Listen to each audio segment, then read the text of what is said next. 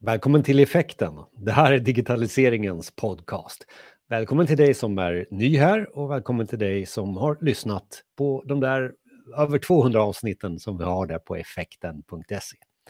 Vi försöker att ta ett ämne eh, i varje podd och sammanfatta vad handlar det om och hur kan du gå vidare med ämnet. Det här avsnittet handlar om IT-rekrytering av utvecklare och Henrik eh, Enström ska eh, intervjuas. Eh, Henrik som har 20 års erfarenhet av IT-branschen och står bakom företaget Future Skill som tillhandahåller då kodtester, kodtävlingar och olika företagsevenemang runt detta. Man har ju också omfattande onlineforum och för att just främja det här att bli bättre på att programmera. Och vi vet alla om som har anställt och försökt att rekrytera att det är, kan vara ibland svårt att hitta rätt kompetens. Det är det vi ska prata om just nu i effekten. Branschen när det gäller IT-konsulter och IT överhuvudtaget kräver också att det finns en process runt rekrytering. Och när det gäller detta så hittar vi då eh, Henrik, välkommen då till podden. Tack så mycket, trevligt att vara här. Och hitta, ja det ska vi försöka göra när vi jobbar med att hitta kvalitativ IT-kunskap. Eh, och Ska vi börja någonstans med att fråga vad, vad, vad kvalitativ IT-rekrytering är för dig Hiro? Ja, men det kan vi göra, absolut. Så min erfarenhet så är det ju bra att ha liksom en, en gedigen process då, så att man inte... Det är svårt att hitta folk generellt sett och nu, nu är det lite lättare kanske för lite lågkonjunktur, men generellt sett väldigt svårt att hitta bra utvecklare. Eh, och då får man inte vara för glad när man faktiskt sitter med någon som har ett långt CV, utan man måste ändå ha en gedigen process då. Det är väl liksom min huvudpoäng att eh, det är väldigt bra att, eh, att använda tester, låta personen Eh, Eh, visa att man kan programmera just för att det är också så pass rimligt att göra det inom just programmering. Då. Så det är väl den stora delen. Och sen måste man ju kolla personlighet, att man liksom synkar bra, vill, man vill jobba på det stället där man söker jobb. Eh, och kompetens och CV är också viktigt. Men just, just att eh, inte smita förbi det här steget att man faktiskt ska ja, visa att man kan programmera. Då. Det, det är viktigt i min erfarenhet.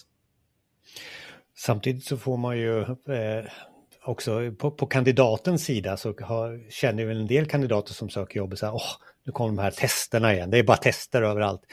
Och det är dumma frågor och sådär. Eh, några reaktioner på, ja, på den? Eh? Jag, jag, tänker att man får twista det positivt då, att man vill jobba med andra duktiga personer. Så att om man kommer till ett företag som inte använder tester utan just som är jätteglad, oj, du har, du har jättebra CV här och vi vill supergärna anställa dig då finns det ju en risk att man får jobba med personer som kanske har bra CV men, men som inte är lika bra i praktiken då, i själva hantverket så att säga. Eh, så därför tänker jag att eh, det kan vara bra för kandidaten också. Men man har ju sett på det där att eh, det är negativt att lägga tid på det. Och, men två grejer där. En grej är att försöka hålla nere tiden då. Så att en del företag kör ju med, speciellt om man, liksom, om man lägger tiden med egna utvecklare, så är det ofta man ska göra ett helt projekt i den tekniken man använder. Och då kan det ta liksom många timmar på en helg och sådär. Eh, och det kan man ju ta bort då, tänker jag. Och vi, ja, FutureSkill eh, representerar jag här då. Vi har ju tester online och de kan gå snabbt att ta på under en timme i alla fall. Eh, så det är ett sätt att ta bort den här belastningen då liksom. Eh, tänker jag. Och sen, eh, nej, men sen är det väl just det där med att man får jobba med andra duktiga personer. Det, det kan vara värt det att, att ta tester liksom. Och vi har ju samma, eh, zoomat in på, på just utvecklare och sådär. Men eh, när vi kommer till eh, att selektera ut så, så är det ju just sån här hur selektera ut? Har du några goda exempel där ni liksom följde hela vägen? Att den här personen, vi hade kravet för att få in de här typerna av personerna och så, så nådde vi hela vägen in i mål. Ja, men Hur känns sån lyckad det blir ju lite gerat mot tester igen då som, eh, som eh, lyckade exempel för mig. Men det är också, jag menar, det är ju äkta också. Min egen erfarenhet var ju att jag sökte jobb i London och blev utsatt för väldigt mycket tester där. Och innan jag hade fått jobb i Göteborg, då var det liksom bara CV, skicka in CV, man hade gått Chalmers, det var bra, trevligt samtal och så hade man jobbet då. Så att eh, jag har själv sett liksom, det var en ögonöppnare att man kunde göra så, att det var mycket tester och man satt ner med en duktig utvecklare och fick skriva uppgifter på papper till exempel då. Eh, så att, eh, ja, Eh, det, jag, jag, jag, tycker verkligen att det stämmer att, att det fungerar liksom. Eh, och sen, eh, vad ska man säga, en bra erfarenhet. Vi kan ta en på, det var ett ställe där, vi får ju prata i liksom, avidentifiera här då, men säg en person X ja. då som gärna ville jobba på företag A då, där jag var. Eh, och då visste vi att den här personen, hon hade sökt jobb där innan, hon ville gärna jobba på just det företaget. Eh, men hon hade upplevt som, personligheten var inte en match liksom, hon upplevde det som lite speciell eller så. Det var i alla fall någonting som, som skavde då. Eh, och sen när jag gjorde den här rekryteringen så använde vi tester och jag satt själv, precis som jag hade blivit utsatt för i London då, med ett papper och gav uppgifter och hon var ju mycket duktigare än vad jag var. Fantastiskt liksom. Eh, så då blev det ju, det, det vägde över personligheten, om den nu inte var en match eller inte, det ska jag inte uttala mig om alls, men eh, snarare säga att det kanske var fel. Men eh, det blev ju så att hon blev anställd och sen vet jag att hon var kvar, kanske kvar än idag, men eh, i alla fall sju, åtta år minst liksom och blev en expert där och en tung, tung profil. Liksom. Så just att man kan, det är så lätt att man sitter ner och har en intervju och så vill man hitta någon som man klaffar med rent personlighetsmässigt, någon man gillar helt enkelt. Och man faller i fällor som att man gillar samma sport eller ja, irrelevanta saker. Liksom. Eh, och därför tänker jag att det jag har sett är att tester kan få en att välja rätt person. Då. Eh, sen, jag, jag ska inte heller säga, jag är inte sån emaljist så jag säger att eh, det, aldrig slår fel utan eh, det kan Det har också hänt att vi har testat personer och så har, man, har det inte varit helt rätt. Så det är inte bara eh, kapaciteten att prestera under en, en timmas test som gäller utan det finns mycket annat såklart för att jobba på ställe. Men det är en väldigt bra grund att stå på. Ja, du touchar någonting som kanske jag själv har erfarenhet av också. Man försöker att anställa likasinnade. Men det är ju eh, fel. eh, och jag, jag, vet inte eh, om du har någon erfarenhet, men jag läste några artiklar om att det finns de som bara anställer personligheten introvert för att de är bra på vissa saker. Och det hade jag nog varit väldigt... Eh, jag hade varit, det hade varit svårt för mig att anställa någon som var, är introvert. Eh, mm. hittar man sådana typer av personligheter och önskemål i en test också skulle du väl säga? Ja, precis. Och där, där kan man ju toucha på att det finns personlighetstester också. Men den forskningen som, som har gjorts på det visar ju att, att eh, personlighetstester inte är en så, stark, så starkt korrelerade med att lyckas på jobbet. Medan färdighetstester då, och de större studierna, då handlar det ofta om induktiva, logiska eller IQ-tester. Att de eh, korrelerar ganska väl då med att lyckas på jobbet. Och då pratar de testerna som jag pratar om, då är det ju att man ska jobba som programmerare och testerna är inom programmering. Så att det är ju liksom en 1 matchning då. Medan om man ska jobba liksom på ett statligt verk och få ett IQ-test, det är inte exakt vad man ska göra på jobbet. Så då tänker jag att, även om jag inte har sett någon forskning på det, så tänker jag att kodtester är väldigt bra för att förutsäga att man, att man kommer kunna koda. Då liksom. Eh, men just vad man får in för typer av personer, det, blir, det är ju det som är tanken att det ska vara neutralt. Då, så att, eh, eh om det är liksom en, eh, en, äldre kvinna från Indien, hon kan ju vara helt grym på eh, Linux till exempel. Medan fördomschecken, då kanske man får in liksom en eh, yngre kille med skägg från, eh, som pratar svenska och då tänker man att det där är ju någon som är jätteduktig på Linux. Men med tester så kan man ju då komma fram till att ja, men det var hon från Indien som var eh, mycket skarpare liksom. Eh, som kanske är en helt annan personlighet. Och det finns det också studier på som visar att om man har eh, liksom olika bakgrunder, olika kön, olika, mer liksom olika, olika vinklar man får in i ett företag, det brukar hjälpa en att lyckas då. Snarare än att ha en väldigt likriktad jag gick Chalmers, liksom, så man tänker Chalmers-killar, att, att ett företag bara består av Chalmers-killar, det, det, är nog ingen fördel. Liksom. Har du någon eh, åsikt om när i processen man ska göra sådana färdighetstester som jag nu lärde mig att det heter? Eh, är det i början som någon form av screening eller är det i slutet som någon form av check? Eh, eller vad, vad, vad, är det vanligast? Eh, det vanligaste är väl, i och med att ja, med Fysical har vi de här online-testerna som man kan skicka ut och då är det ju väldigt lätt att göra dem som en första screening. Eh, sen finns det alla varianter, att man, men det är väl det vanligaste, man skickar ut dem och sen eh, när man har kommit igenom den fasen, då träffar man dem och kandidaten och pratar med dem och så vidare. Ser om företaget och personligheten och sådär är en matchning. Eh, men sen eh, det vi också gör ofta är att vi, vi kör också eh, ett eh, på platstest då, så man, liksom, man gör online-testet först och sen om man har möjlighet så kan man också sitta ner på ungefär det som jag råkade ut för på London, äh, i London där att eh, man har papper och får skriva en papper och penna och lösa en uppgift och sen diskutera kring det. Fördelen med det, det blir en sorts teknisk intervju helt enkelt som inte heller tar allt för lång tid i anspråk utan uppgiften är på en halvtimme liksom. Eh, och då får man också någonting tekniskt att diskutera. Och man kan också ta fram eh, tänk, den person som genomför den intervjun då kan ju tänka, är det här en person som jag skulle vilja jobba med i samma team? För då kommer det in saker som hur kommunikativ man är, kan man förklara komplexa saker på ett enkelt sätt så att en annan förstår? Är man trevlig och snäll? Det är många saker som kommer in när man sitter vid samma, eh, samma bord. Då. Men det, är också, det blir också jobblikt så att man tänker liksom nästa steg är att personen ska komma in och jobba med teamet i princip. då. Eh, eller om, det, om man har konsult så blir det ju hos en kund kanske, men, men i princip så. Det, det är tankesättet. Liksom. Eh, så det skulle jag säga är en väldigt också högkvalitativ eh, del att följa upp med. Eh, och sen ska, sen ska man ju såklart också ha vanliga intervjuer och så, så vidare och visa vad man ska jobba med. Det är viktigt också. Jag, jag tror nog det att det är just det, det här med vanliga intervjuer och träffa människan och sådär. För att vi har ju AI som kommer eh, ja. och vad, vad, är din åsikt här nu? Alla tester går att fuska på eller hur, hur, hur, ska, vi, hur ska vi göra, göra ja, i framtiden? Nej, men vi försöker ju, dels eh, så har vi tester då som, eh, där man får intyg att man inte använder AI och vi kollar ju av det på lite olika sätt, eh, att man inte gör det på de testerna. För det, det är fortfarande så att det är, det är, lite som en läkare, liksom att läkare, när man jobbar som läkare så, så tänker jag mig att, vad jag har fått höra är att man, man kollar upp mycket och slår upp och pratar med kollegor och så. Men man vill ju ändå ha någon som kan yrket i grunden för att man gjorde de där fem åren på skolan och faktiskt lärde sig någonting och kan dra det, vissa saker som ett rinnande vatten. Det är en fördel. Liksom. Man skulle hellre komma till en sån läkare än en som måste googla, fråga kollegor för att veta vad man har för problem. Så att, eh, ja, även om AI finns och är en jättebra hjälp så tror jag att man fortfarande gärna vill ha sådana som kan yrket i grunden.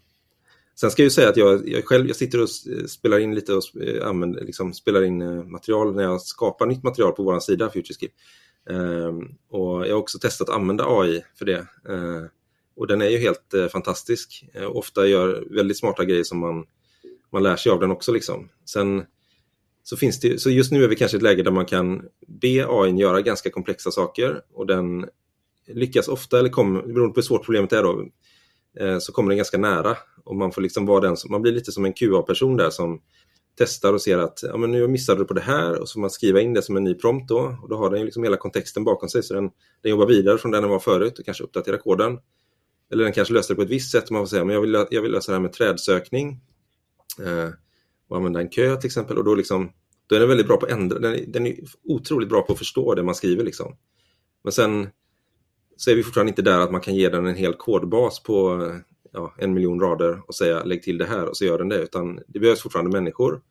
Och det kommer det göra i många år till. Men jag, det går inte att gissa hur många år som det går tills vi kan liksom ge den en hel kodbas och be den lägga till någonting. Det är, det är helt omöjligt. det kan ju bli liksom diminishing return så att man, man tränar modellerna mer och mer men till sist blir det för svårt så att den, den kommer inte över en viss nivå. Så skulle det fortfarande kunna bli. Men ChatGPT släpptes ju för mindre än ett år sedan här och den, det är en, helt, en stegfunktion, liksom. det är verkligen ett helt nytt sätt och, ja, som den klarar av alla möjliga olika saker. Bland annat är den fantastisk på att programmera. Då.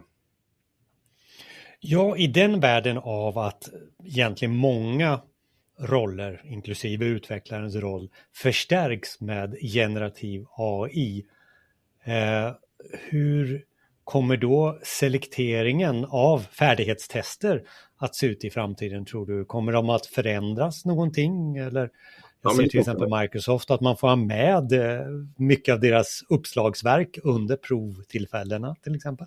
Jo, men det är vi inne på. Jag, framförallt jag på företaget inne som har testat det själv mycket och så.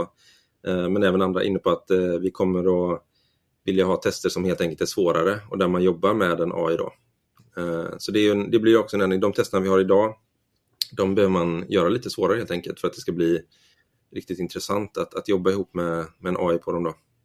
Men det kan man fortfarande göra, för det är fortfarande svårt och intressant problem att, att se vad den gör för fel, ge feedback. Alltså man måste kunna testa av också, man måste inse att det finns ett fel och det går ju också olika snabbt för olika personer. Då. Och sen liksom ge relevant feedback till vad den ska ändra för någonting. Eh, och så det, det, tror jag men, absolut att man kommer jobba så istället. Men samtidigt då, vad, vad blir minsta gemensamma nämnaren för hantverket? Ja, det där blir ju liksom, det blir en gissningstävling nu, för jag, jag har bara sett vad den är idag och snabbt det har gått. Men AI, jag spelar schack också själv då, så det, AI har funnits, eh, liksom, schack var ett sånt typiskt problem som man ville lösa och idag så krossar man världsmästaren Även om man har jättekort betänketid på datorn då, den är såklart mycket, mycket bättre. Och nu är det, nu är det knappt AI längre. Liksom nu, det var AI förut, men nu så är det inte intelligens utan mer en liksom, automata. Det löser man helt enkelt. Så att AI, gränser för vad AI är flyttas ju hela tiden framåt om man säger så. Och nu är vi på ChatGPT då helt klart. Eh, men liksom när, när det flyttar sig så att, ja, så att den löser mycket större problem mycket enklare. Det, det, är, en, det är en svår gissning att, att göra faktiskt. Eh, allting tyder, nu när man, ja, och det ändrat sig. För ett år sedan så hade jag svarat helt annorlunda.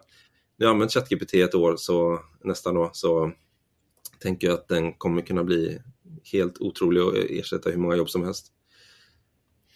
Men eh, jag vet När det gäller IT-rekrytering och, och, och, just färdighetstester då, nu då, eh, får man oftast de man vill ha när man kör igenom färdighetstester?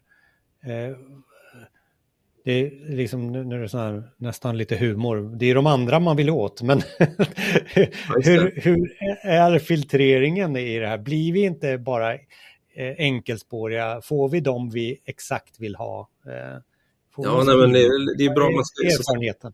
Jag tror inte på att bara köra tester. Liksom. Och det, det, finns definitivt personer, jag menar det är också, om man ska ta anekdotiskt då, så har jag också träffat på personer som klarar sig bra på tester, men som sen till exempel inte anstränger sig så hårt eller inte känner för det företaget gör och det är väldigt svårt att få fram på ett, eh, ett testtillfälle då. Och förmodligen också tyvärr svårt att få fram via intervju. Så att, eh, jag tror att man kommer aldrig helt kunna undvika att liksom, misslyckas eller anställa fel person. Jag, jag, är inte så orolig själv då, som jag pratade om lite innan där med att eh, man går ganska hårt på testerna. Eh, man ska definitivt välja bort, tänker jag, på testerna. Om, om, man testar grej A, om du ska jobba med Linux då, programmering i Linux, C++ eller någonting, och så får du dåligt på eh, två olika tester där. Vi har till exempel FreeCode man kodar själv och så har vi MultiChoice där det är flervalsfrågor. Där också använder mycket kodexempel och sånt och liksom specialkunskap. Misslyckas man på dem, då väljer man ju bort den personen och då är ju den stora biten är vunnen där då. Sen kan man ju ta om man, de som hamnar liksom topp eh, 30 percentilen eller någonting. Då är man ju förmodligen bra nog för att ta, liksom, klara jobbet. Och då kan man ju börja gå på eh, om man tror att man liksom passar i företaget och eh, ja, så vidare. Så vidare liksom. Alla mjuka faktorer. Eh, kanske specifik teknikkunskap och sånt där. Man har jobbat med en sak i tio år, det kan ju vara, absolut vara en fördel. Man är ett uppslagsverk inom Linux, det är inte fel. Man ska jobba med det. Men jag är inte så orolig för att man liksom eh, får in fel person rent personlighetsmässigt så själv då. Nu, nu har ju ni skapat en stor databas, ni har många kunder eh, inom IT. Eh, och då är jag ju lite nyfiken på IT-Sverige. Eh, och utvecklare. Vad frågar man efter just nu för kompetens? Jaha, vad man frågar efter kompetens ja. Eh, ja vad, vad, är det man frågar efter? Du, du nämnde Linux eller, eller är det något ja, just det. Jag, jag programmeringsspråk? Jag har själv hamnat på det sättet att jag jobbat mer med Linux och Python och sånt än eh, till exempel .NET och webb och sådär. Men, ja, men det är väl, jag tror inte det har hänt så himla mycket. Om man säger Python och jag har jobbat med väldigt mycket själv och vi använder det mycket internt. Liksom. Jag, det är det jag streamar och programmerar själv när jag skapar content på sidan på FutureSkill. Um, och det har ju växt. Liksom. Python är ett enkelt språk som är lätt att komma in i. Och den här oron för att det inte är så starkt, inte starkt typat om man inte vill göra det känns som att folk har släppt lite grann i alla fall. Men sen såklart, det finns ju de stora, liksom Java, C-sharp. Eh, såklart att JavaScript är väldigt viktigt med webben, att man måste ha det i klienten. Och även backend kan ju köra JavaScript. Och då, sen kan man använda eh, TypeScript då, om man vill ha en fi finare variant av JavaScript. Eh, ja, C++ är fortfarande relevant och även C om man kör embedded och har lite mi mindre starka CPUer. Liksom. Um, och uh, alltså trender sådär, det som man hör att, att uh, många utvecklare gillar är väl fortfarande språk som Rust och Go. Uh, Julia tycker jag har hört någon gång också, även om jag inte sett så mycket annonser för det till exempel. Så det är väl kanske de lite coolare språken, lite nyare då. Funktionell programmering är det många som, som dras till att det är liksom väldigt elegant och så. Ehm, men ja, jag tycker inte, det känns inte som att de stora språken faller undan så mycket heller. Liksom, utan, menar, Microsoft gör ett bra jobb med att eh, hålla C-sharp eh, relevant och så vidare. Eh, så jag, vet inte, jag, jag har ingen sån nyare, den stora grejen är väl AI liksom och hur man anammar det då egentligen. det är en rolig grej på sidan också förresten, att när jag skriver, när jag gör en kurs då på sidan så behöver man liksom ha, eller då kan man vilja ge en startpunkt för användaren i lite olika språk. Och det är jättestort jobb förut då. Många språk? Vi har 15 språk eller någonting, alla de stora och vanliga liksom. Det är jättestort jobb om man skulle skriva en liten lösning så, eller en startpunkt i alla språk. Nu kan man bara be ChatGPT och den gör ett fantastiskt jobb och bara fylla i exakt formatet och i alla olika språk. Så det, det, den klarar verkligen all, allting liksom. När vi landar nu eh, och har pratat om just det här med att selektera utvecklare när det gäller IT-rekrytering, skulle vi kunna sammanfatta, alltså hur ska vi tänka nu då? Om, om, man, är, om man är ny för att känna att det, ja, men det här med, med färdighetstester, det borde jag införa i organisationen. Hur, hur ska jag tänka? Eh, så, lite sammanfattning av, av vad jag har pratat om. Ja, precis. Men är, är det utvecklare, då är ju färdighetstester en jättebra idé. Men det är ju inte allt liksom. Man kommer fortfarande vilja träffa personen, ha en intervju, se om det är en matchning. Om man brinner för det jobbet så är det ju fantastiskt. Liksom. Man kanske gör någonting för att hjälpa världen och så vidare. Och, det, och får man in rätt person på ett sånt jobb så är det ju också extremt mycket vunnet. Så att det, det, är också en stor del ju. Så man vill fortfarande ha sina intervjuer och, och träffa dem och så. Men att inte hoppa över, om det gäller utvecklare då, att göra färdighetstester, det tycker jag är viktigt. Och sen tänker jag att man ska ändå börja, menar, företag eh, och så behöver ju tänka på hur AI påverkar det området man är i. Så det är väl en stor grej att fundera på. Eh, kanske vara lite mer kortsiktig i många delar att eh, väldigt, väldigt mycket kommer kunna ändra sig och det kan, kanske inte kommer ta 20 år utan mer 5 år. Eh, så det är väl en spännande tid. Förhoppningsvis så leder det till att saker blir mycket mer positiva för oss eh, liksom, eh, överlag. Så, så att, eh, det, jag ser mest positivt på det. Det finns risker också men jag, jag, jag tänker optimistiskt där med AI. Alla kontaktuppgifter till dig Henrik finns just nu i show notes. Så det är bara att ta upp podcastspelaren, länkar till det vi har pratat om och det ni har eh, också finns i den här blogginlägget. Så tack så väldigt mycket för intervjun. Ja, men tack Jonas, det var jättetrevligt att vara med.